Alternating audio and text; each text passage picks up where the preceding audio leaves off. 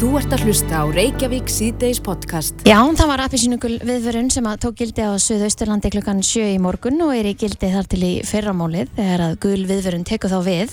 Þannig að það er búið að vera ímislegt sem að hefur eh, gengið á núna, eh, já, seinustu klukkutímana og búið að vera heldur betur mikil vinna hjá björgunarsveitafólkinu okkar. Svo sannlega, það segir hér í frétt að vísa að björgunarsveita fólk sér hennilega á síðustu drópunum og býður kvildar Já,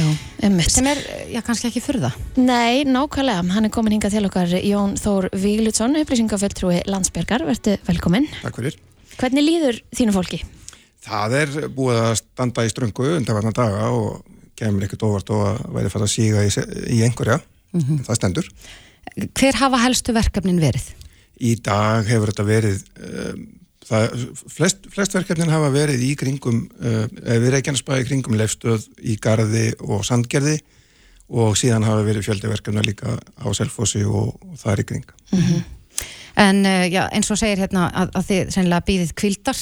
Er þetta mikið um það að, að sko, já, fólk er auðvitað að festa bílun sinni í snjó og við höfum heist fréttir af því að margir eru bara hreinlega ekki nægilega vel útbúnir til þess að vera að keira í þessari færið og, og sérstaklega eftir að, að það snjóaði svona mikið um helgina. Já, ég ætla nú ekki að fara að dæma fólk að vera ekki næjanlega vel útbúið. Fólk þarf náttúrulega bara að meta það sjálf hvort það tristi sér að stað. En færðin þarna er þannig að það er eiginlega ekki fyrir fólksbíla. Nei.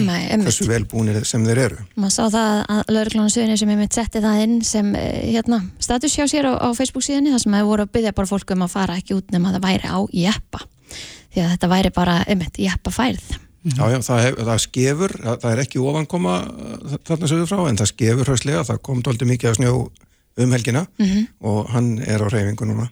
Já, en, en eh, já, við ætlum nú hérna síðar í þættunum að heyra í upplýsingaföldru og Ísafja en, en það er fjöldi fólk sem er bara hreinlega fast í lefstöð, ekki satt? Jú, ég held að, að það sé orðið hátt í þúsund mann sem að þarna býða eftir uh, einhverju löst, bæði þeir sem að ætluðu að fara í morgun uh, út og komast ekki, komast í lefstöð en ekki lengra og svo þeir sem komu í morgun, þeir hafa ekkert komist neitt þaðan. Nei, en um, já, við vitum það að þetta veðri hefur verið uh, bandbrjálað og, og búið að snjóa mikið og aðstæður eru erfiðar. Uh, Mér fannst ég reyka augun í það að þeir nú reynilega bara byðla til fólks að vera ekki mikið á ferðinni ef það er ekki nöðsynlegt.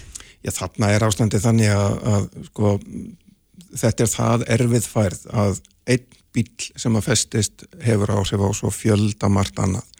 Færðin eh, til dæmis milli sko, Reykjanesbæjar og Sandgerðis og Garðs var þannig að uh, Brunavatni Suðunisja báðum að fá snjóbíl á plani hjá sér til þess að vera til taks ef þeir þyrtu að fara í útkall inn í þessi byðalög því að þeir sáu fram á að bara komast ekki á milli Já. Og hann hefur þegar fyllt sjúkrabíl til Sandgerðis, þessu snjóbíl. Hvernig eh, ganga svona aðgeri fyrir sig eins og þið eh, gerðu núna um helgina að koma fólki sem eh, voru mörg hundri bílar fastir einmitt á, á Grindavíkuveginum og, og í Bláa lóninu og, og þetta var verkefni sem var bara langt fram á nótt?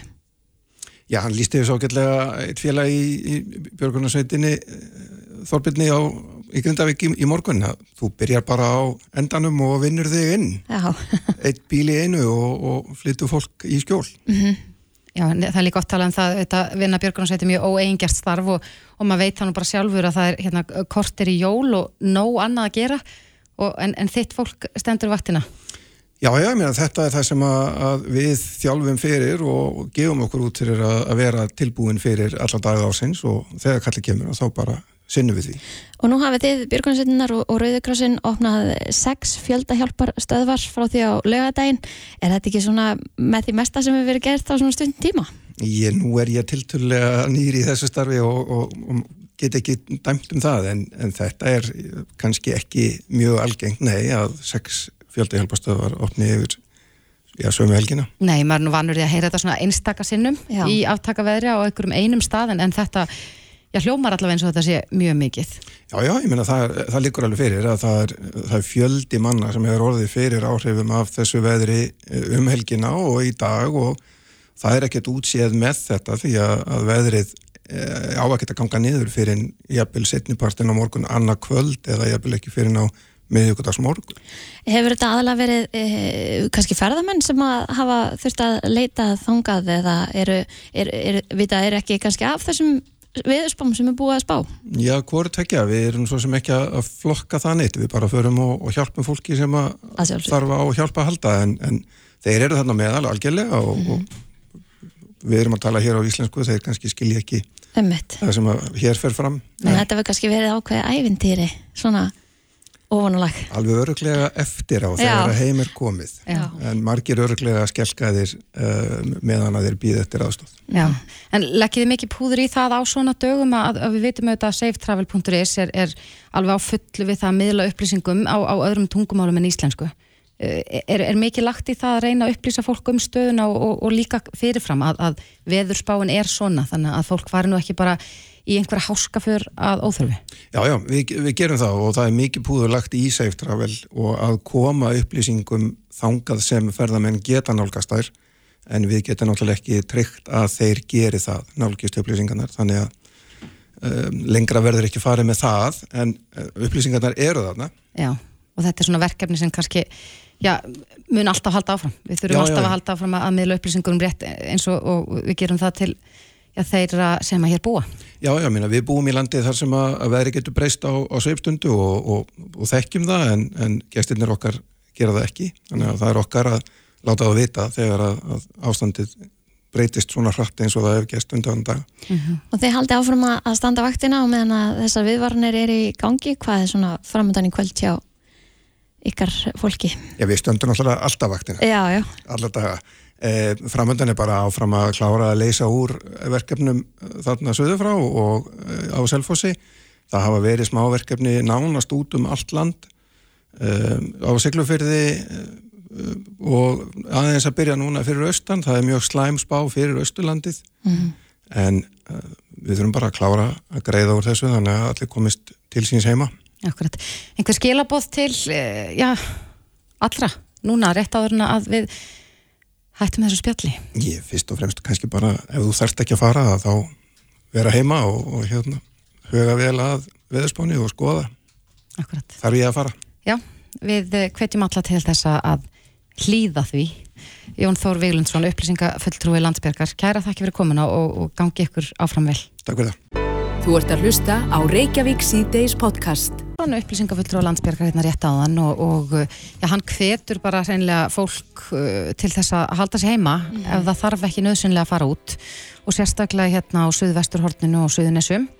Almennskinn sem er bara sem að einhvern veginn á að vera þannig. Já, en við hér í Reykjavík síðdeis á síðast ári við töluðum alveg ofbúsloft um, um hérna snjómokstur vegna þess að ég held að hafi verið talið til að hellishiðin hefur aldrei verið jafn, of, marga daga lokuð eins og í fyrra Já, það er alveg horrið. og það varð einhver breyting á, á þessu snjómoksturskerfi en eh, já, nú er, er bara eh, veturinn mættur Mhm.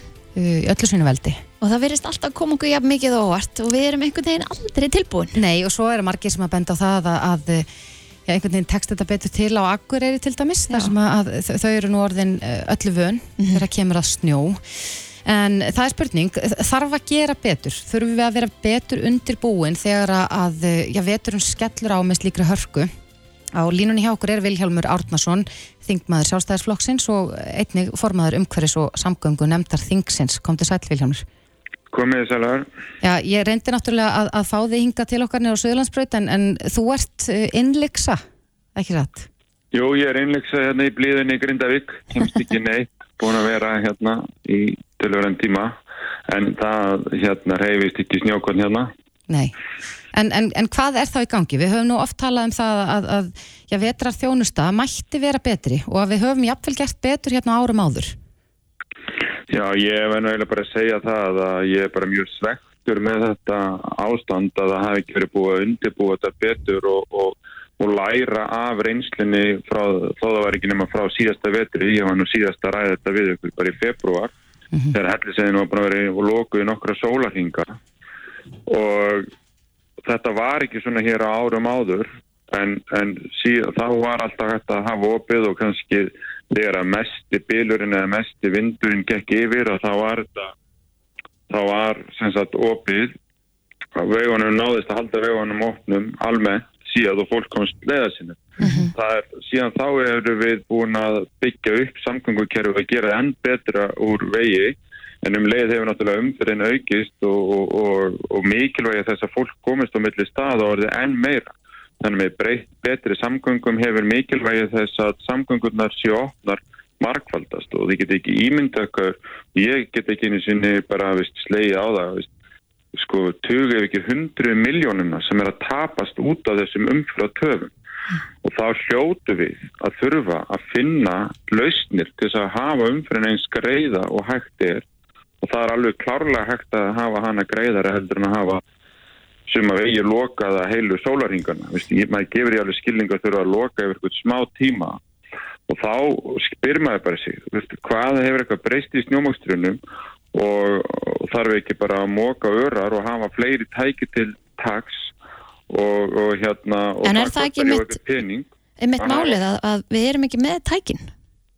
Ég held að það sé stór partur að því að það sé búið að skera ómikið neyri tækjunum eða, eða þeim sé ekki leikt á stað en sem sagt að býða annarsleik, ég veit ekki hvort það er en það verða allan að vera nægt tæki til þess og, og það kostar alveg pening en það kostar margvall meiri pening að veginir lokast í svona langan tíma og svo er það heitt að við þekkjum þannig bara hálendinu, þá erum við bara með vega landus mm. og staðan fyrir að hafa lokanapost á vegunum, þá held ég við getum bara haft eftirlit við inganginu vegunum að korki ferðamenn eða vannbúnir Íslendingar á sínum bílum fari ekki inn á vegina þegar að ferðinu torsok, þannig að þeir sem að þurfa snöðsilega að komast um og geta gert ráðstafinni, að þeir komist um vegin hann sé mókaður en við bara pössum upp á það að fari ekki fjöldi vannbúruna bílaðinn sem að mynda stipul Við veitum alveg að stíplutnar eru af anbúna bíla, eru þær sem að skapa þessar aðstæður. Þá eigum við bara ekki að leipa um að veginn þó aðrir komist. Já þannig að, að eins og staðan er núna þá erum við þetta svolítið að, að leggja þetta í hendurnar á bara aukumönnum sjálfum. Að, að já, fara ekki út í aðstæður sem eru ekki næla góðar eða bílarnir eru ekki næla vel búnir undir. Þannig að þú vilt að við, við förum að vera með svona virkara eftirlit. Já, ég held að það sé algjörlega nöysilegt að því að því að sagan segir okkur bara að þetta eru annarkort ferðamenn sem að kunni ekki íslenskar aðstæður og eru kannski bara á, á mjög litlum og, og, og kannski vannbúnum bílaröfubílum og við komum aldrei upplýsingur til þeirra og náum aldrei upplýsaðu mm -hmm. þá er ekkit annað heldur en bara eftirliti veginn sem dögar en ég ætla ekki bara að kenna ferðamennunum um þetta því að við Íslandingarnir er margi hverju miklu sögðir í þessu líka og fara á hérna, mjög vannbúnum bílum á stað og, og hérna og því held ég og við höfum bara þetta eins og ég sagði áðan við erum með svona vegalanduslinni í þjókvörðunum og annars líkt að tala um fólk og upplýsa um aðstæðar að hann leggja á stað. Og við getum alveg gert það við vegina.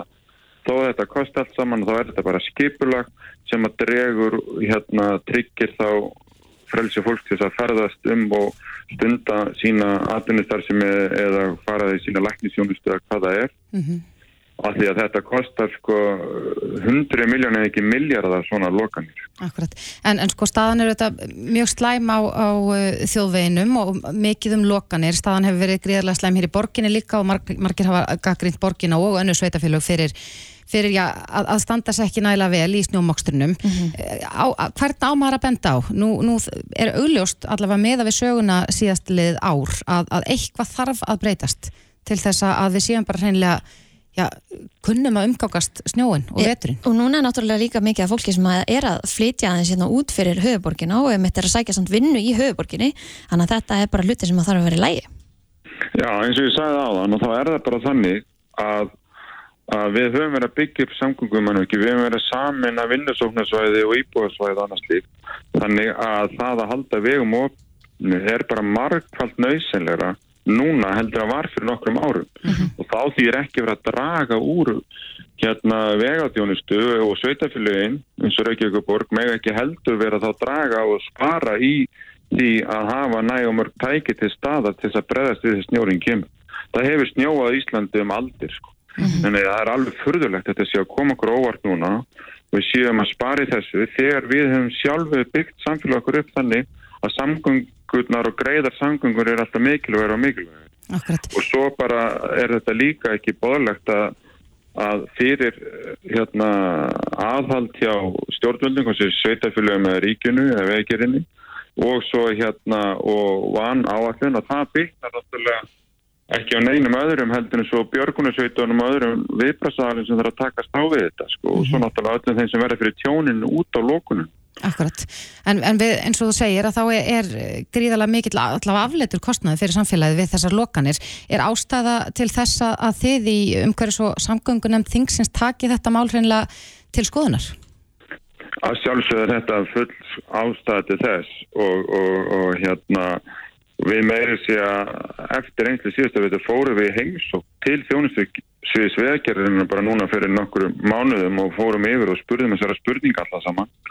Og þess vegna kemur þetta mér virkilega óvart að þetta sé að koma aftur svona hérna aftana fólki núna að sé fá mókstustæki og sé ekki hérna passa betur upp á vannbúinu bíla að fara inn á. Mm -hmm. og, og mér finnst þeirra uh, svolítið að taka auðvelduleginu, bara loka veginum til þess að enginn festist og, og hérna það er enginn að segja mig það að það hefði ekki verið hægt með smá eftirliti að tryggja það að hellisæðin hefur verið meira opinn núna yfir helginu heldur en að vera lókuð alveg frá miðnættu og fyrstudag til og er enn sko mjög styrtu millipili. En erum við að fara of seint af stað í það að móka? Til dæmis ef við tökum bara hellisæðina sem dæmi, erum við að fara of seint með tækin að riðja? Já sko ég er ekki mjög mikill sérfræðingur í snjómákstri en, en það sem ég hef heyrt og hef, hef hérna mér hefur verið sagt að reyndum önnum með þessu svið þá snýst þetta um það að fara ekkert og senda stað, það snýst um að vera stanslusta og mhm. hætta aldrei þó að vegurinn sé lokaður eða annars líkt að bara leiða að stoppa og þá sapnar bara upp í stærra verkefni.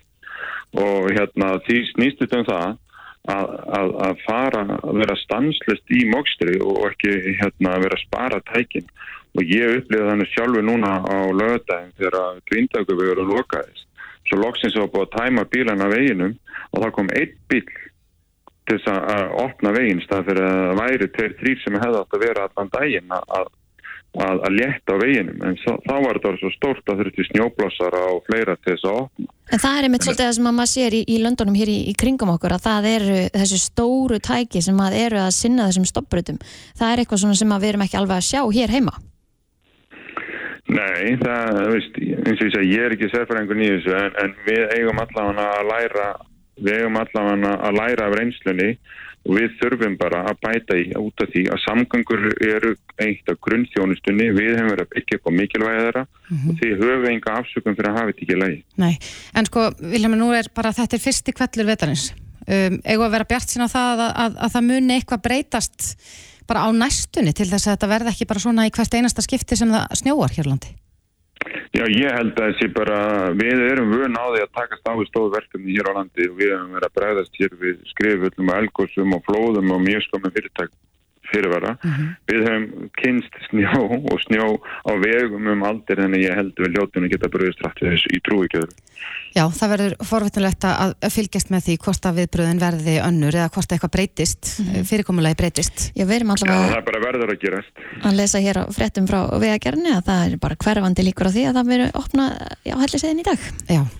Vilhjálmur Árnason, þingmaður sjálfstæðsflokksins og formaður umhverfis og samgöngunemdar þingsins. Kærar þakki fyrir þetta og við vonum að, að já, þú komist líka að leiða þinna sem fyrst. Já, takk fyrir það. Takk. Þetta er Reykjavík C-Days podcast. Já, við höfum auðvitað heyrst að því fréttum í dag að flugferðum hefur verið aflýst. Haldeilis uh, og, og margir, ekki bara þúsund mann sem eru fastir upp á keflagflöðli. Já. Sem voru annarkort að leiðin til landsins eða frá landiru. Akkurat, uh, samkvæmt hérna frétt sem byrtist en á vísi fyrir skemstuður talaðum á annað þúsund manns sem hafast við þar að býða upplýsinga. Úf. En það er spurning hvernig er hægt að greiða úr þessu og við heyrðum það nú í fréttum hérna klukkan 5 að Æslandir hefur uh, já, ákveðið að fljúa einhverja starfsfólki sínu sem er fast á uppílefstuð. Mm -hmm. Til að verða kvildatímana. Já, mm -hmm. bara að fljúa auðvitað Reykjavíkur. Já, og svo sögðu þeir að það gæti jafnvel tekið einhverju nokkra daga að rétta úr þessu öllu saman. Akkurat, en hann er á línunni hjá okkur Guðjón Helgason, upplýsingafulltrúi í Savia. Kom til sæl Guðjón. Sæl. Ja, hvernig hefur gengið í dag? Já, þetta er aðstæða sem, að, sem er ekki góð en, en, en það veldur, það sem gerist í rauninni er að við, við fáum þessa veður spá í gær og, og, og, og það er verið að fara yfir þetta í, í gær dag veður aðgerða stjórn, keflagur fljóallar er að fara yfir þetta með flugfélagunum og þjónustu fyrirtækjunum eins og þeim sem ferma og afferma vélar og svo framvegist uh mhm. -huh. og þeir þau eru upplýst um veður útlitið og, og hvernig það muni hafa áhrif á getu okkar á keflauguflugulli til þess að þjónusta flugvélar. Og veðurspáin sagði til um að, að það verði farið að blása allhersilega á keflauguflugulli eftir hádegi í dag. Og, og það er það sem við erum að fara yfir í gæðir og, og, hérna, og flugfélagin taka ákvarðanir á grundvelli þess. Og það er á endanum alltaf flugfélagin sem taka ákvarðanir um, um hvernig málum er hagað í, í, í aðstæðum þar sem veður hefur áhrif. Akkurat. Þau taka ákvarðanum hvort þau flýta eða fresta eða, eða aflýsa. Mhm. Síðan gerist það sem sagt í morgun að, að, að Reykjanesbröðin er, er lokað og þá erum við komin í þá stöðu að, að farþegar komast ekki í, til Reykjanesbæjar og ekki til keflaugafljóðlar og ekki frá keflaugafljóðlar og það sama á í rauninni við um, um starfsfólk hjá, hjá okkur og öðrum rekstrar aðilum á fljóðverlinum sem eru búsettir á höfbólkarsæðinu. Akkurat. Þannig að, þannig að það er staðan sem er uppi í morgun og það eru vélara því að, að veðrið var ekki vond á flugvöldunum sjálfum. Þar var hægt að taka móti vélum og í raun hefði verið hægt að fljúa þaðan ef að, ef að fólk uh, hefði komist á flugvöldun. En, en, en þetta var staðan sem var uppi og, og þarna eru þá fólk sem að er annars að koma í flug og hins vegar sem er að koma með flugi til landsins sem, að, sem er þarna í flugstöðinni. Þetta eru skilst mér eitthvað um 1500 farþegar, ég er ekki með nákvæmna tölu, en, en það sem er að gerast núna er að, að það eru rútur við flugstöðuna og það er verið að, að byrja að flytja, eh, eða fólk er byrjað að fara út í þessar rútur og það að flytja eh, þá úr hóknum sem að, sem að vilja, það er verið að flytja þá í, til Reykjavíkur. Já, ummitt, það er viðtal við hana Hallfríði Þórinsdóttir hér inn á vísi.is sem er einn fjölmargar íslendinga sem að ég ætla að vera komin í sólina og sumar eilinni á Tenerife setjumpartin í dag en hún er hins vegar búin að sitja í rútu fyrir utan keflagflugul í einhverja fimm klukkutíma. Við komum með rútu þá til Keflavíkurflugvallar. Já, þetta kemur hérna fram inn á vísi.is.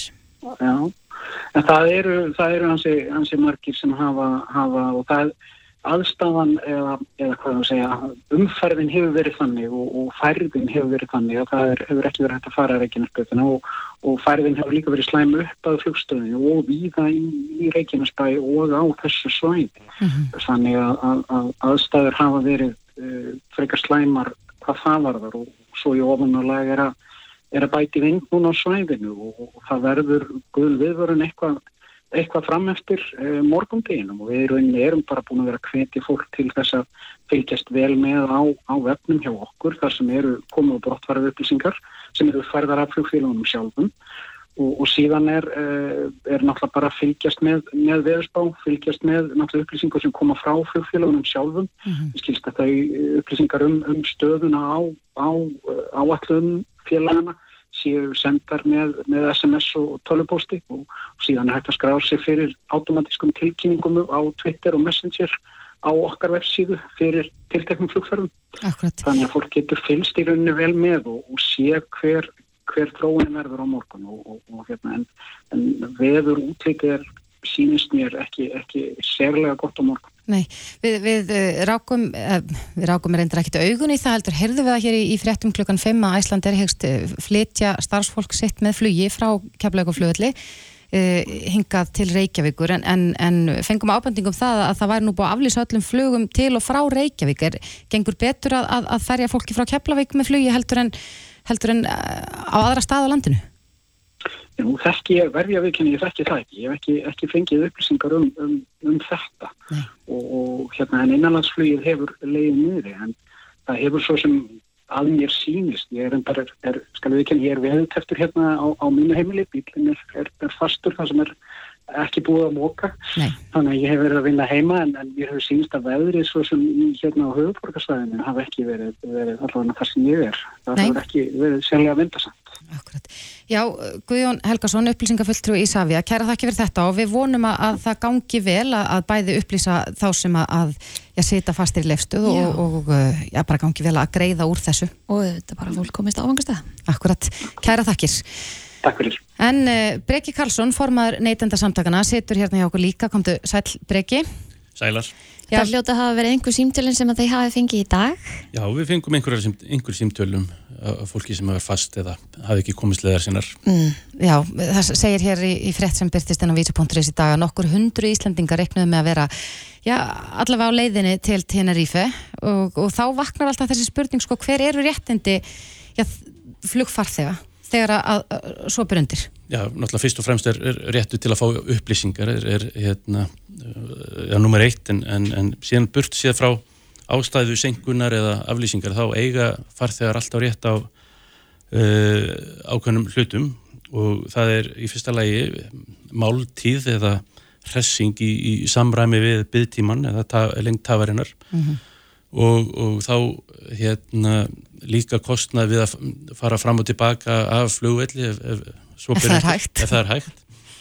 Og, og vil hótelgistingu ef að, ef að svopir undir ef að til dæmis en þetta er náttúrulega er, misjamt, þetta fer eftir svolítið sko hérna ræðst svolítið af þörf eða nöðsinn aðstóðarinnar mm -hmm. til dæmis ef, ef við erum að fara heimann frá okkur og komum og, og hérna komumst svo aftur heim til okkar þá er engin nöðsinn á hótelgistingu Já. en ef við til dæmis værum föst í, í Keflavík eða einhver starf annar staðar og kæmumst ekki heim til okkar þá ættu við rétt á að fá hótelgistingu. Og það er þá á, á vegum flugfélagsins. Á, á kostnað flugfélagsins. Já, en uh, já, svo eru margir auðvitað sem að veltaði fyrir sér sko, það verður til ímis svona afleittur kostnaður má segja. Uh, já, kannski ertu búin að, að borga fyrir og bóka hótel á Tenerife en kemst ekki. Mm. uh, er, er flugfélagin bótaskilda einhverju leiti þar? Ekki ef, ekki ef, uh, sko ekki ef það er vegna veðurs. Það Nei. gæti verið út af öðrum hlutum en, en eð, eð, eð, fólk gæti átt rétt á, á skadabótum ef það er hérna, vegna þáttar sem flugfélagið hefði geta séð fyrir eins og bílanir eða, eða verkvöld eða eitthvað slíkt Mm. en uh, ef það er ófyrir og eða eitthvað sem flugfélagið ræður ekki við eins og, eins og veður þá, uh, þá á fólk ekki rétt á svona stöðluðum skadabótum en, en, en á rétt á þessum mat og, og gistingu og, og ferðum svona öllu jafna. Við erum með mjög góðar upplýsingar á vefnum okkar um þetta og það sem fólk getur svona má- máta sig við, slegið inn uh, hvert það er að fljúa og, og, og hvaðan og, og séð svo hvaða rétt það á, á ns.is skástrík flug. Og eins og með eh, máltíðnar sem að þú rætti nú í dag, hvað þarf eh, senkunin að vera mikil til að þú eigi rétt að þessu og hver er það í rauninni sem að aðstöði með það upp á velli? Mjög góð spurning. Þetta á að vera á hendum, höndum uh, flugfélagsins að aðstofa þig uh, og uh, það fer eftir lengt hérna, tafarinnar hvað þú átt rétt á að fá og þetta er, hérna, er ekki alltaf uh, og, og, og, hérna, ekki alltaf klift og, og skorið Nei, nei. hérna, hvað er nöðsinn og, og hver er þörfin en, uh, en ef að flugfélagi sér, uh, hérna, sér þér ekki fyrir mat eða gistingu eða slíkt þá getur þú uh, bara keiftir það sem þú þart og gert svo kröfu á flugfélagið og all flugfélagi eiga að vera með á vefsíðu sinni uh, svona form þar sem þú getur fyllt inn og sett inn, inn kostnað og fengið það svo endurgreitt inn á reikningin. Nú margir sem að hugsa að þetta er svo, mikið vesen. Er, er þetta aðgengilegt fyrir fólk til að, að fá svona tilbaka? Þetta er í fyrsta lagi mjög aðgengilegt á, á vef, vef, vefjum öllara uh, flugfélagi og ef ekki þá eru neytinda aðstöðun alltaf hér til aðstóðar og aðstóðum okkar félagsmenn við að ná fram rétti sínum alltaf. Mhm, en, en það hlýtur nú að vera já, já, eitt kannski að megin markmiðum fólk sérstaklega við erum að tala um hérna hundruður Íslendinga á leiðinni til Tenerife yfir jólin að, að bara komast henni lága áfangastað á endanum. Flugfélagin eru, eru skildu til þess ekki satt að, að koma fólki vegna þess að við vitum auðvitað að, að svona viðtækar uh, þegar verða að aflýsa svona mörgum flugum að það er erfitt að vinda ofan af þessu. Alveg rétt uh, og fólk á, á líka rétt á því að það getur það valið um þrend í, í stöðunni, stöðunni þegar er aflýst. Fólk getur uh, ákveða að hætta við og fengi að fullu endurgreitt báðar ferðir, það er fram og tilbaka.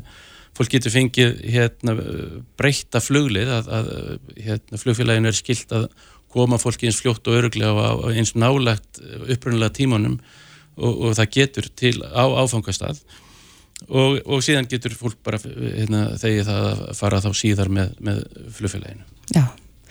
Já, ég býst nú alveg við því að, að það eru margir sem eru í þessari stöðu, uh, bæði sko, já þeir Íslendingar sem ætla að fara að taka tásumyndunar á, á Tenerife og, og líka bara allir þeir sem að jafnvel voru bara millilenda hér og, og leiðin eitthvað annað. Nákvæmlega. Eins og hann sagði, hvað eitthvað um 1500 mann sem að setja fastir í leikstuð. Akkurat. En við hvetjum það fólk til þess að fara inn á uh, ns.is, skástrygg flug og, og slá þar bara, ég var að prófa þetta núna meðan hann situr hérna brekju og þetta er mjög einfalt og aðgengilegt að, að, að uh, fá fram þær upplýsingar sem að þarf. Og mjög einfalt að sækja rétt sinn líka. Já, Breki Karlsson, formaður neytendasamtakana, kærar þakki fyrir þetta. Bestu þakkir. Þetta er Reykjavík C-Days podcast. Það var stór stund í gær þegar að, að úrslita leikurinn í, á heimsmeistarmótinni Knattbyrnu, Karla, fór fram í Katar. Uh, þarna, þetta var vist alveg aðeins spennandi leikur. Mjög svo. Þú fylgdist með? Ég fylgdist með og auðvitað einhvern veginn var maður komin á það að úrslitin myndi enda svona en þetta bara leikurinn í gær, hann bara bauð upp á allt sem að mögulega maður myndi vilja í svona úrslitaleik. Er ekki alveg sérstaklega skemmtilegt þegar fókbaltaleikir enda svona í, í vítaspilnkefni? Jú, og hvað þá í úrslitum? Þú veist, þú veist ekkert hvernig þetta fer. Nei, en það er auðvitað ekki bara fótboltinn sem er búin að vera til umræðu síðan að HM, og ekki bara síðan að HM fór að stað heldur bara löngu áður. Nei, nei. Mikið talað um mannréttinda brott Katara og, og, og allskynns fréttir sem hafa borist þaðan. Já, Þó það hafi kannski minna borið á þessar umræðu núna á meðan að móti er í gangi. Mm, oft á tíðum einmitt, við erum meira fjallað um e, umgjörðina og það allt sem hann heldur en kannski fótboltan sjálfan, sko, sem ætti einmitt að vera kannski utan við þetta. Mm En það vakti furðu margra þegar að Messi uh, ég klættist í einhvers konar svarta skikju þegar hann lifti verðluna gripnum um, en uh, það er spurning hvað, hvaða skikja var þetta? Einmitt. Hann er sestur hérna hjá okkur Viðar Haldarsson, professor í félagsfræði við uh, Háskóla Íslands, kom til sæl Já, hæ. Já, þú skrifaði nú aðeins um þetta inn á uh, Facebook síðuna þína þar sem þú varst að, að fara yfir þessa dulafullu skikju Já, ég er nú ekki sérfræðingur í, í málöfnum uh, miðausturlanda, sko. En, en var að reyna að rýna í bara, þetta var svo, þetta var svo sérstakt uh, eitthvað hvernig þetta gerðist allt saman. Og ég hef mér lesið mig til og búin að lesa ykkur fréttir um það. Þetta er ykkur svona, ykkur heiður sem þeir vildu sína Messi fyrir að vera ykkur stríðsmaður, sigur, sigurvegari og, og, og, og fremstu með jafningja og, besti allra tíma. Þetta var eitthvað svona tribut til hans, átt að vera og sem er svona, hefði verið gott að blessa en það er svona, hann ég er enda að rýna í þetta kannski með gaggrítnu augum hvað býr þarna baki vegna þess að þetta var svo sérstakt hvernig þetta gerðist og bara hver á tilgangur með þessu sko. Já, en, en, en hva, hvað er það helsta sem að, að, að þú svona gaggrinir í, í við þetta? Já, í sko fyrsta leið var Messi settur hérna í alveg ómögulega stöðu sko. bara hérna með her manna í kringum sig hérna að fórseta FIFA og Emirinn í Katar sem er vinnuveitanda hans í Paris Saint-Germain og eitthvað fleira fólk sem að bara einfallega bara klætti hann í þessa skikju Já. og maður sá á tímbili og honum leið bara mjög undarlega og óþægilega yfir þessu og, og, og hann, svona, hann átti yngrar undan komu auðið Og greinilega enginn er mitt búin að fara kannski yfir þetta atrið. Ef að þið vinnið eða þegar þið vinnið þá, þá gerist þetta og þetta og þetta. Já, þannig hann var þarna bara og bara í ykkur stöðu sem að hann bara uh, var óþægileg greinlega og þau stilt honum hann bara upp í vegg að fara í þessa skikju og sem að svona, hann er, þeir eru svona að reyna að eigna sér hann svolítið og hann er vinur okkar skiljiði og allt þetta og hann gengur í þessu og, og hann er vinur Emirsins og hann er svona stýður okkur eitthvað svona, þetta var eitthvað svona tilfinningar sem hann er reyna, reyna að íta á Það sem ég þóttu áhugavert sko, ef að uh, þeirra sem sé Katara sem sé skýringar uh, ef að þeir eru skoða, er þetta sé til að heiðra hann sem besti leikmaður allra tíma og bla bla bla, þá hefði verið eðlilegur að, að láta hann í skikkjuna þegar hann fekk verðlun fyrir að vera besti leikmaður mótsins sem var aðeins áður en það var ekki gert, það var gert þarna árna fyrir að tökum við heimsbyggarnum og þá læðist á manni svo grunur. Af hverju gera er það, jú vegna þess að þeir vilja að hann fari í skikkjuna og taki við titlinum í skikkjunni sem er stóra stundin sko, sem allir eru búin að býða eftir ekki bara þetta háum, heldur bara bara síðan Messi byrjaði bara, hérna, bara í, í 10-15 ár sko. stóra stund þegar Messi loksins tekur við heimsbyggarnum sem að verður mynd sem að verður í sögubókum framtíðarinnar og allt þetta þá eru Katar búin að tróða sér alltaf einhvern veginn þessu inn á myndin þannig að þeir eru alltaf hluti af þessum þessum, þessum myndum og þessum sínileika þegar Messi verður heimsmystari og ná þannig að tengja sig inn í, inn í þann titil og minna alltaf á sig að þetta var stórkostlegt mót sem að þeir held utanum og gerðu svona vel og allt þetta og, gera það með þessum hætti sko. Já, og því að venjan er ekki að leikmenn klæðist uh, klæðnaði sem er tengdur trúabröðum eða hátíðabúningum þeirra landa sem að er haldið eh, það land sem er að halda heimsmyndstara mótið Hann ég þetta er í rauninni fyrsta sinni þegar Já, og ég held að sko, ef einhver annað, eitthvað annað lið hefði unnið, sko, það hefði, þeir hefði ekki sett hérna leikmennin í skikju, sko. Skiljið, sko, bæði vegna þess að sumir fyrirlegarnir voru búin að gaggrina Katar fyrirfram og, en sko, þú veist, en, en Messi var svolítið svona, þetta var svolítið mómentið þeirra, sko, þannig að, og ég vil segja að þessi kvíttóttur Katara, sko, hann svona virðist hafa gengið algjörlu upp í keppninni, sko, bara, þeir fengu frábæra keppni með óvæntum úrslitum og fullta mörgum, fengu stórkostlegan úrslítarleik, kannski fengu sína menn, Messi og Mbappe sem er báðir í Paris Saint-Germain sem er þetta katarska lið sem er í eigu katarska ríkisins fyrir framlengingu, þetta var alltaf spilast með þeim, sko, hann er að sko gaggrinni sem var fyrst þarna í byrjun hún bara, hún bara svona fendi yfir hana mjög fljótlega, í svona annar umferði riðlakeppni, þá heyrði maður ekkert meir um það og bara fótboltinn tók við og allt það, þannig að þetta handrið Katar var að ganga algjölu upp hvað allt þetta varðar, það sem hefur að halda bara góða keppni og allir löngu hættir að tala um mannréttindabrótin og allt þetta sem að, sem að var gaggrind fyrir mót, sko. Já, það var líka, ég man að ég uh, las nú grein hérna áður en að heimsmeistaramóti fór af stað og þá var nú talað um að, að þetta væri þetta, já, mjög skipulagt. Þetta er leið fyrir Katara til þess einhvern veginn að, að, að vinna sér inn jafnvel virðingu eða, eða reyna að já, íta öllu hinu til hliðar og, og, og fá gott umtal og, og auðvitað bara að, að sína Katari á, uh, út um allan heim Þér finnst það að hafa tekist hjá þeim? Algjörlega sko og fyrst og fremst sko, ég held að fyrst, fyrst og fremst tilgangur, tilgangur er efnahagslegur sko og, og snýst um völd og, og, og peninga og slíkt sko. Vegna að ef að þeir gætu sínt þetta litla land getur haldið stæstu íþrótkeppni veraldar með glæsilegum hætti með mjög takmarkaði innviði fyrir móti þá geta þær allt skilvið, þú veist, bara í veitingum viðskiptum og framkvæmdum og þá kemur svona trú á landi, þeir eru búin að stimpla sér inn með all stórþjóða sem hafa haldið þetta mót að þeir geta þetta alveg svo allir aðrir og það er held ég stóri sigurum fyrir það og það er svona efnagslegu tilliti, viðskipta tilliti það sé stóri sigurum sem þeir stemdu að og, og, og síndu að þeir getu allt saman sko. En heldur þeir muni ekki fá svona smá svartan stimpil á sig fyrir að hafa sett trúabröðin inn í fótboltan? Uh, sko, ég held reyndar þegar ég var að hugsa þetta í dag að, að kannski að, að þetta þetta var, handriti var að spilast 100% upp fyrir á en svo komaðir með þetta skrítna það sem ég láta hann í þessa skikju. Og ég held að það við jafnvel verið við nótum fókballamál, sko, sjálfsmark. Mm. þeir voru komið með sigurinn, þeir voru komið með allt sem þeir vildi úr keppninni en hvað gerði þetta? Jú, þetta gerði það að þetta yfði upp alla gaggrinina. Mm -hmm. Nú sem var ellenda fjölmjöla að tala um þetta, ég er henni fjölmjöla að tala um þetta, að núna er verið að taka öll þessi mál sem voru umræði í byrjun mótsins, nú eru þau komin allt í hennu öll upp og yfirborði aftur, mm -hmm. Þau voru búin að vera undir yfirborðinu bara meira luta keppninar. Já. Þannig að núna er þetta allt aftur komið upp á yfirborðið og fólk fara, já, hörðu, það var einhver, annarlegi hlutir í gangi, þeir voru einhver, eitthvað að reyna eitthvað þarna og þarna fóru þeir bara kannski bara yfir strikið. Þannig að kannski þetta snildar bræð þeirra að festa sig á spjöldsögunar með því að Messi vinu þeir og vera á myndin og allt þetta. Mm -hmm. Kannski kemur það bara í bakið á þeim, sko, vegna þess að þetta var kannski eftir allt bara ekki alveg nógu gott múfjáðin, sko. Nei, ég, ég sá nú frekar finna umræðum það að þetta, já, væri kannski ekkit ósvipa því að ef, að ef að HM væri haldið hér á landi, mm. að allt í myndi Guðni Ágúrsson koma og hérna tróða einhverjum í, í íslensku lópapeisuna Já, og, þetta... Þó að það sé nú ekki trúabræða tengt en, nei, en það er svona okkar Og, og Letterhausen hérna í Þískalandi Já. og eitthvað sko En sko, þú veist, það sem var kannski svona sérstaklega vond við þetta, það var þessi yfirgangur sko. Messi, ég segi Messi greið sko, hann var þarna og Hann var bara... eiginlega settur í stuða sem hann gæti ekki sett nei Já, hún, hann er bara settur út í eitthvað hot og hann er bara þvingaður í eitthvað sem að hann kannski vildi ekki gera, ég veit það ekki. Hann er bara settur í þessa stöðu.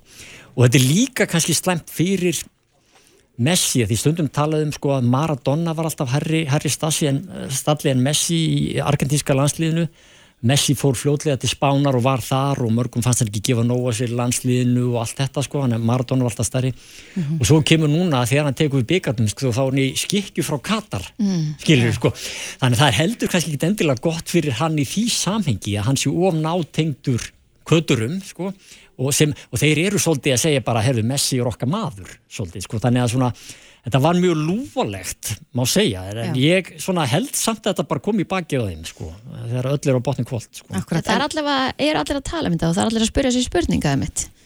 Já, og þetta var, já, þetta var bara mjög sérstakt og við hefum ekkert séð þetta áður. Já, en þarna, já Viðar, þú, þegar þú komst ynga síðast til okkar, það var rétt áður en að háam fór í gang, mm.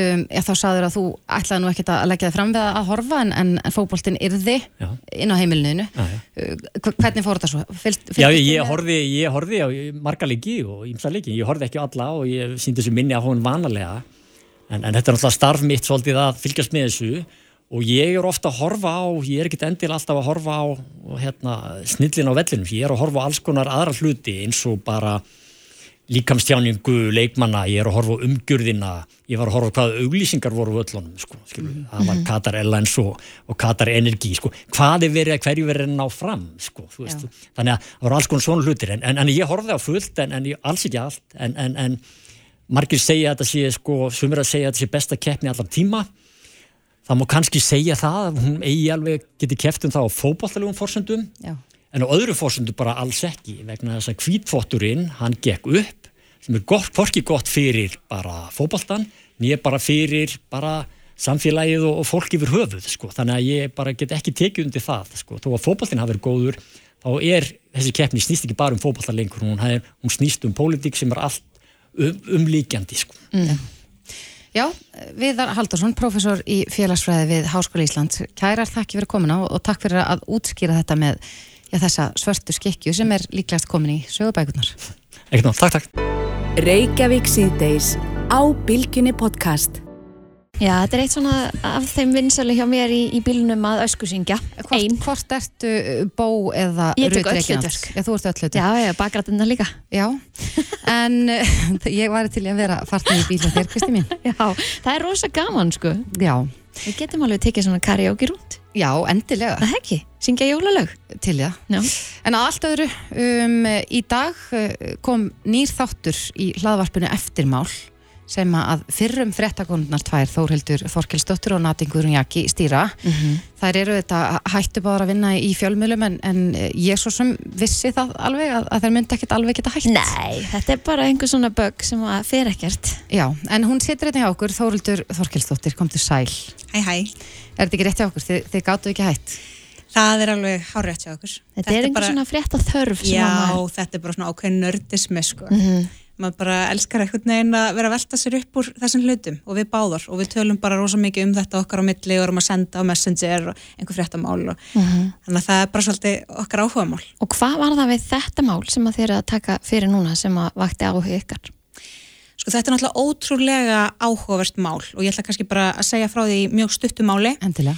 Uh, þetta er, við erum sérst að segja frá fangelsisdómi yfir henni Söndru Sigrúnu Fenton sem er íslensk kona sem fætti á Íslandi og íslenska móður og bandarískan föður og bjó í bandaríkanum stærstan uh, hluta æfisinnar sinnar en hún sem sagt framdi tvö vopnuð rán í bandaríkanum mm. og fekk 37 ára fangelsistóm fyrir þessi rán sem hún framdi þegar hún var í neistlu og uh, Þetta er þingsti dómur þegar ekki sem að nokkur íslendingur hefur fengið? Já, eftir því sem við komumst næst. Langþingsti mm -hmm. en, en sko þetta, hún er uh, já, hlítur þennan fangelsistóm árið 2013 Já. Hvort nung, 24 ára gömul, eitthvað slikt Já, hún er í dag 33 ára. Já, og, og uh, já ég, ég er nú á eftir að hlusta á þáttun og ég hlakka mikið til. En hins vegar þá byrtist réttin á vísi.rista þar sem að málið er aðeins reyfað og, mm. og maður stendur einhvern veginn á gati, við erum líka bara kannski vön íslenska réttakerfnu þar sem að dómar eru já, oft á tíðum vægari en, en, en við kannski þekkjum uh, úr öðrum löndum mm -hmm. en 37 ára fangiristóm fyrir sko vopnur án eiginleinan gæsalappa vegna þess í raun var hún ekki vopnuð. Nei, hún var með hendina í vasanum þannig að það leit út fyrir að hún væri með bissu en hún var sérstaklega ekki vopnuð en dómatni báðir taka með af því að hún sé vopnuð, þannig að hún er dæmt fyrir tvö vopnuð rán. Mm -hmm. og þetta mál ég myndi eftir að hafa séð umfyllunum það árið 2016 og það var í rauninni bara DFF sem fjallaði um málið bara í, í einhverjum tveimur eða þreimur fréttum og þetta satt svolítið í mér, ég velti þessu fyrir mér. Þannig stelpa, hún er Íslendingur hún fær þennan svakalega þunga dóm og hún veginn er bara þarna og það veit enginn af þessu. Þannig að þetta er svona mál sem ég hafði stundum hugsað um. Og þegar við fórum að leggja upp núna seríu 2 af eftirmálum þá dætt mér þetta í hug að við ættum nú kannski að kanna þetta mál. Og við gerðum það. Og okkur tókst að komast í samband við mömmuna Söndursigurunar sem heitir Margaret Fenton og er íslensk, flutti til Bandaríkina eftir hún kynntist eh, bandarískum Hermanni hérna eh, bara í Keflavík og flutti þanga með honum þegar hún var 18 ára. Og svo, svo var hann að vinna fyrir herin á Íslandi. Þannig að þau fóru svolítið á milli fyrstu árin og Sandra Sigrun sem sagt fæðist á Íslandi. Já, en uh, já, þetta er erfitt að, að uh, lesa þessa greinin af vísipunktur svo eflust að hlusta dómin líka vegna þess að þessi unga stúlka er í gríðarlega viðkvæmri stöðu. Já. Hún er í mikill neyslu og Já. í raun og veru undir hæl ja, dópsala. Já, það, sko Margrét mammina söndur lýsir þessu þannig að þetta hafi bara verið og, og þau, sko hún er hjúknarsræðingur og hann átti mjög flottan feril í hernum, þetta er bara klassísk svona millistjættar fjölskylda og bara gott heimilslíf og allt það og hún lendir í áfalli, hún lendir í, í kynfyrsofbeldi og svo lendir hún í slisi og fær ávísað þessu illræmda lifi oxykontin og ég veit ekki hvort þessi hafi séð þættina Dope Sick. Það er meitt fjallað um áhrifin sem að það hafði áfyllt af fólki í bandaríkunum Mm. og hún bara verður svona háð og fer í, í framhaldinu af þessum áföllum og þessum livjum í mjög harða neyslu og er bara glýmir þarna við fíkni sjúkdóm þannig að það svona byrjar þannig. Og hún var sem sagt með eiturlifja sala í bílnum þegar hún fremur sér á hún Já, hann er sem sagt að, að í rauninni að, að byggja hann um að gera þetta eða láta hann að gera þetta að, að hérna, hann hótar því að, að ætla bæði að, að dreipa mummunar og, og pappinar og, og svon hennar líka, eða ekki? Já, hún segir þannig frá þessu að hún bara hafi ekki geta gert neitt annað, hann hafi bara hótað henni verið með byssu og sagt bara að þú ferði ekki inn í hennar banka og rænir hann þá bara myrði ég alla fjölskyldinu hérna og þig og eftir fyrra ránið þá keira í annað fylki, nærlíkandi fylki og ræna annan banka þar bara með sama hætti En, en þetta er eh, sláandi frásögn og, og eh, já, þið talið þarna í hláðarpstættinum við mömmu hennar. um, hafið eitthvað verið að skoða, hafa íslensk stjórnvöld ekkert beitt sér í þessu máli? ekki hinga til. Uh, Margrét var farin að uh, skrifa, ég held hún hafi skrifað dómsmálraðunetinu og hvort hún hafi skrifað uh, innaríkisraðunetinu. Hún var alltaf að farin að svona bera sig eitthvað eftir því og það er hennar ósk og von að Íslands stjórnvöld svari kalliru og geri hvað þau geta til þess að vera í samskiptum þá við bandarísk stjórnvöld og þessi fangelsis yfirvöld upp og mögulega að fá hana framselta heim. Það er þeirra draumur. Mm Af því að það kemur einmitt fram í, í þessari greina að fangilsi sem hún er í er frekar svona já, ekki kannski fólki bjóðandi almennt sko Mhm. Það var bara ótrúlega sláandi að hlusta á lýsingar Margreðar af þessu fangelsi og auður Ösp blaðakonna sem að skrifaði upphælu um málið, starfaði með þetta á vísi í dag hún uh, var búin að kynna sér aðstæður í þessu fangelsi mjög vel og sagði okkur líka um eitt frá því hvernig þetta var allt saman. Og þetta er eitt illramdasta kvennafangelsi í bandaríkunum og það var meira að segja svona death row í fangelsinu, þangað til bara fyrir nokkrum árum. Það var rauninu svona dauðagangur þar sem að konur er að býða eftir að vera teknar á lífi eftir að fá dauðadóm. Og það er ekki mörg fangels í bandaríkjunum sem eru með svoleiðis ganga. Nei. það eru 1200 konur í þessu fangelsi. Þetta er bara svo lítið bæjarfélag á Íslandi þetta er svakalega stórt og bara hvernig hún lýsir þessu þetta er ótrúlegt að hlusta á þetta. Já, en, en þið auðvitað, þið natin eruð uh, að, að alltaf í þessum uh, hlaðarpstáttum að, að taka svona gömulmál, ég til dæmis bara hafði aldrei heyrt af þessu og, og þið eru já, mjög naskar við það að, að draga fram mál sem að, ég kannski hefur ekki verið fjalla nægilega mikið um, eigum við að, að býða með öndina í halsinum eftir eh, já, fleiri svona þáttum. Já, við reynum náttúrulega alltaf að, að, að finna eitthvað nýtt og það er alltaf svo áhugavert að kíkja á þessu máli í baksinni speklunum og það kemur oft, komur svo oft í ljós einhverju vinklar sem að mögulega kom ekki inn í myndina á sínum tíma, einhverja nýja rattir, eitthvað fólk sem hefur kannski ekki talað áður og eitthvað sem oft hefur margt breyst þegar líður svona smá tími eftir að eitthvað atbyrður eiga sér stað. Þannig að já, við bara erum alltaf að reyna að finna eitthvað sniðugt og einhver mál sem einhver hluta vegna setja, setja í okkur og við höfum áhuga á að skoða betur og það kemur mjög margt áhugavert út úr því. Já, hvað verða margir þættir í þessari þátturöð? Sko við, við ákvaðum að gefa þennan þátt út núna fyrir jól og svo verða nokkur þættir eftir áramót sem er í vinslu. Það er ekki alveg komin loka að tala, þetta verður eitthvað svipað á í fyrstu seríunni.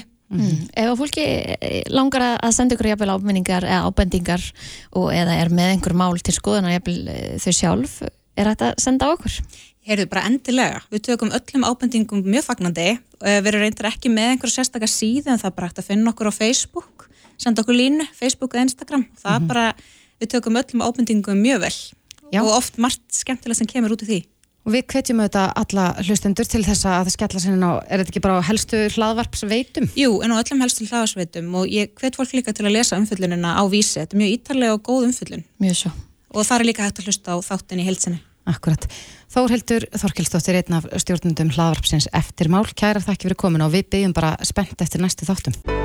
Hlustaðu hvena sem er á Reykjavík C-Days podcast. Áfram höldu við í Reykjavík síðdeis og klukkan er farin að ganga sjö. um, ert þú búin að kaupa allar jólagjafnar, Kristi mín? Herðu, ég er 95% búinn. Ok. Það er smá svona viðbútt hér og þar sem að á eftir að pakka inn og kaupa Mhm. en annars er ég tilbúin, já. Ég hérna, var það eiginlega bara fyrsta des, sko. Já. Svo er ég búin að vera svona að dunda mér að pakka sinn og, og svona bara njóta. Ég vildi ég væri samast á þú, já, að, að freka mikið eftir og er eiginlega ekki byrjuð að pakka inn en það kemur líklegast fyrir jól. Ég ætla rétt að vona það. En um daginn, sko hverju ári þá gerir rannsóknar setur verslunarinnar eh, svona könnun um hver er jólagjöf ársins og mér fannst það áhugavert að- jólagjöf ársins í ár eru bækur og spil. Nei! Þannig að við höfum svolítið verið að tala um spil og ég verð nú bara að segja það eitt uppáhald spil mitt, kannski út af því að, að um, ég er ágætlega sleip í svona spurningarspilum. Úf, ekki ég, alls ég, ekki. allavega, ég vinn oftast kærasta minni í því þannig að uh, við höfum svolítið verið að spila pubquiz Já. og það er auðvitað komið pubquiz þrjú og allir krakka pakkarnir líka En það hef ég hitt uh, mjög fáa sem eru jafn mikið í keppnismótinu þegar að hérna þeir taka spilin fram og ég, þú. ég kannast aðeins við það en hann situr hérna hjá okkur, Björn Bræði Arnarsson sem er að gefa út þetta skemmtilega spil Já, takk fyrir það og bara gaman að heyra að þú ert að spila svona mikið. Bara mjög mikið, þú veist ég er náttúrulega búin að klára 1 og 2 Já, og er, er samt svona, ég er að spara þrjú. Þú ert sko ein af ástæðanum fyrir því að ég var að gera PubQuiz 3 og ég hugsaði að það er fólk eins og Þórdís sem að klárar spilin 1 og 2 og Mhm. þarf annað spil Já. þannig að þess vegna kom nýtt spil með glænjum spurningum En er ekkert mál, átt þetta bara á lager? Nei, Nei. þvert á móti, þetta er bara þvílíkt, hérna, þvílíkt mikið mál en, en skemmtilegt líka að hérna, skrifa svona mikið af nýjum spurningum en, en það er, ég er alls ekki með þetta á lager sko. líka því að ef maður vil hafa þetta skemmtilega spurningar þú veist, Mhm.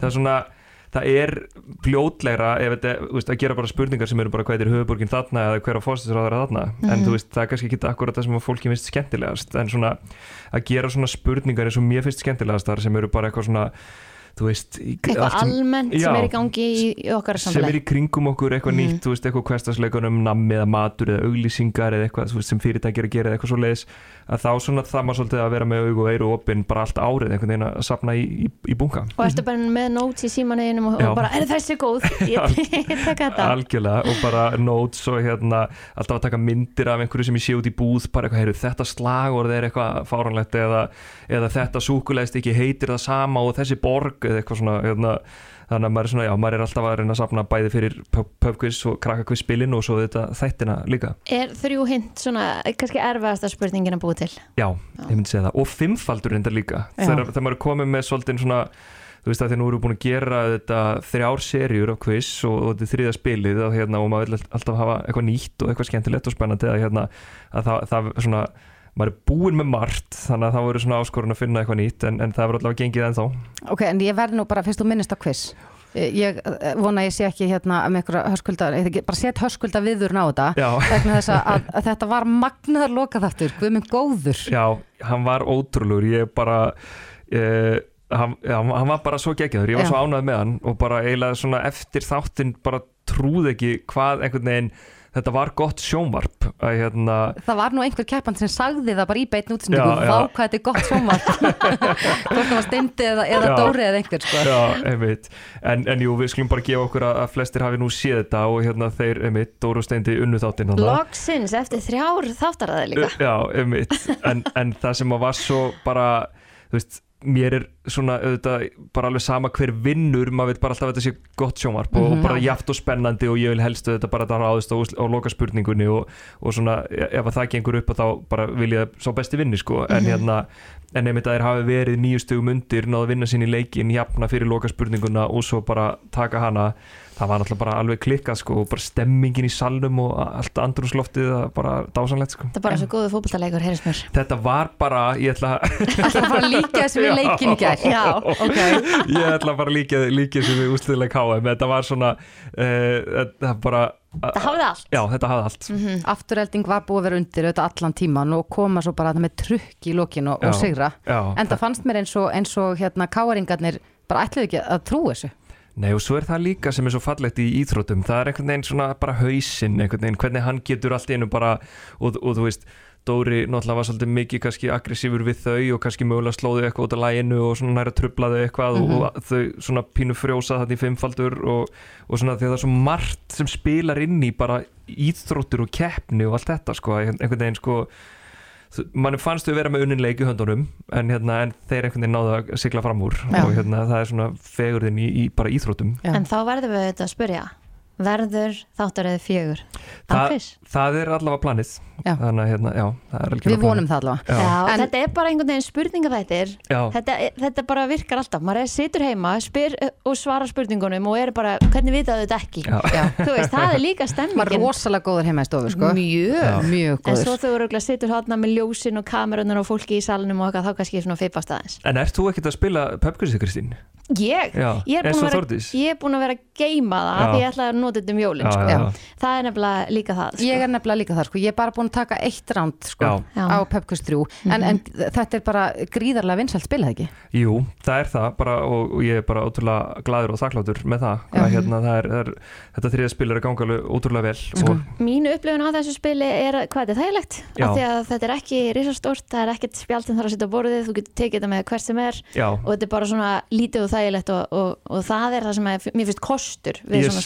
er er er er, er spil því og það var svona svolítið hugmyndin í byrjun þegar ég bara gerði þetta fyrst að hérna, ég náttúrulega er sjálfur spurninga bara nöttari og ég bara elska góða spurningakefnir og spil sko.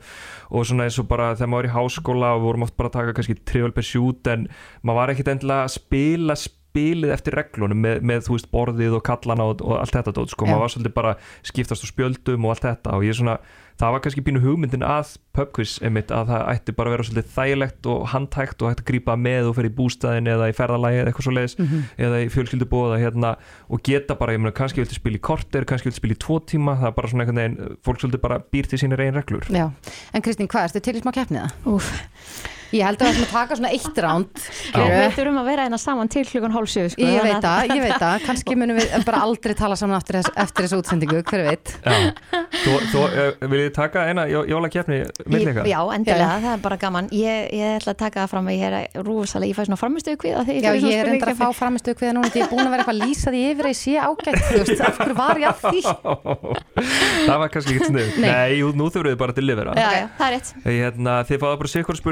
Já, já, úr, þessum fjórum flokkum sem Já. eru almenna spurningar, frægalínur, fimmfaldur og þrjú hint og uh, vilt þú byrja Já, Kristín eða? bara endilega? Hú, Hvaða fyrirbæri er fyrir ofan bókstafinn í vörumerki kringlunar? uh, Hvað fyrirbæri? Já. Efli? Nei, ég veit ekki Það, það er svona rautt eða ekki Get ég stólið það? Þú getur Ég hef stólið um Það er er. rátt Það er hjarta. Það er hjarta. Auðvitað. Eitt stig til Þórdísar Mhm. Að ég vera, að ég vera stiga verður það, Er- en kannski ekki sangjant, ég veit ekki. Lítur semi út þessu epli. Já. Sammála, það ok. Uh, Þórdís, hvað eru norsku þættirnir Exit kallaðir á íslensku? um, Vó, hvað eru eftir kallaðir? Um, þeir, Exit sem hann gísli nú náttúrulega að, að leikstýra. Um, Ég er man það ekki, ég segi pass. Mm, Ég hef ekki hugmynd, Nei, það ég er, hef aldrei hort á það. það er útrás. Útrás, oh, Já. tjótt vissi ég þetta núna. Mm Eftir á Eh, Máttu blóta í vinni Nei, hérna? það má blóta á X-inu það má ekki blóta á bylgjunni Já, fyrirgeðu, kærlustundur Hérna, uh, Kristín, Já. þú færði við erum áfram í almennum spurningum úr uh, Pöpkvist 3 uh, Mhm. hvernig eru saumar á Dr. Martens skóm á litin? Gulir? Það er rétt. Yes! Jæja, staðan er 1-1 Já. Ég, einmitt. Uh, og þá er það Þórdís. Hvað eru regnbógin, aldan og klósettskálin á Akureyri? Regnbógin, aldan og klósett skálin á Akureyri. Ég myndi segja að þetta væru uh, Já, líklegast bara um, ég, Vá, ég veit það ekki. Er ég að gefa þér allt og Ég veit það. Pípulagningafyrirtæki Er það? Eh, Þetta eru brekkur í, í hlíðafjalli Já. Ekki? Mjög Nei, þetta eru er rennibröðnar í sundlauginu Ó, auðvitað. En var ég ekki að ná sein Já, ég fæ ekki stig fyrir þetta. Nei, nei. En þið hérna Hvað er eitt eitt eða? Ég hef aldrei þóra að fara í klósettið sko. Nei, Klósett skálina, þetta er er geggjað Staðan er rennibrautir. 1-1 Staðan er eitt eitt. Góð nöfn á þeim, herri við förum Já. í frægar línur. Og uh, það er Kristín, fræg lín á þig. Ú, ok. Hvaða orð sagði Cristiano Ronaldo þegar hann færði kókflöskur úr mynd á bladamannafundi á EM 2020?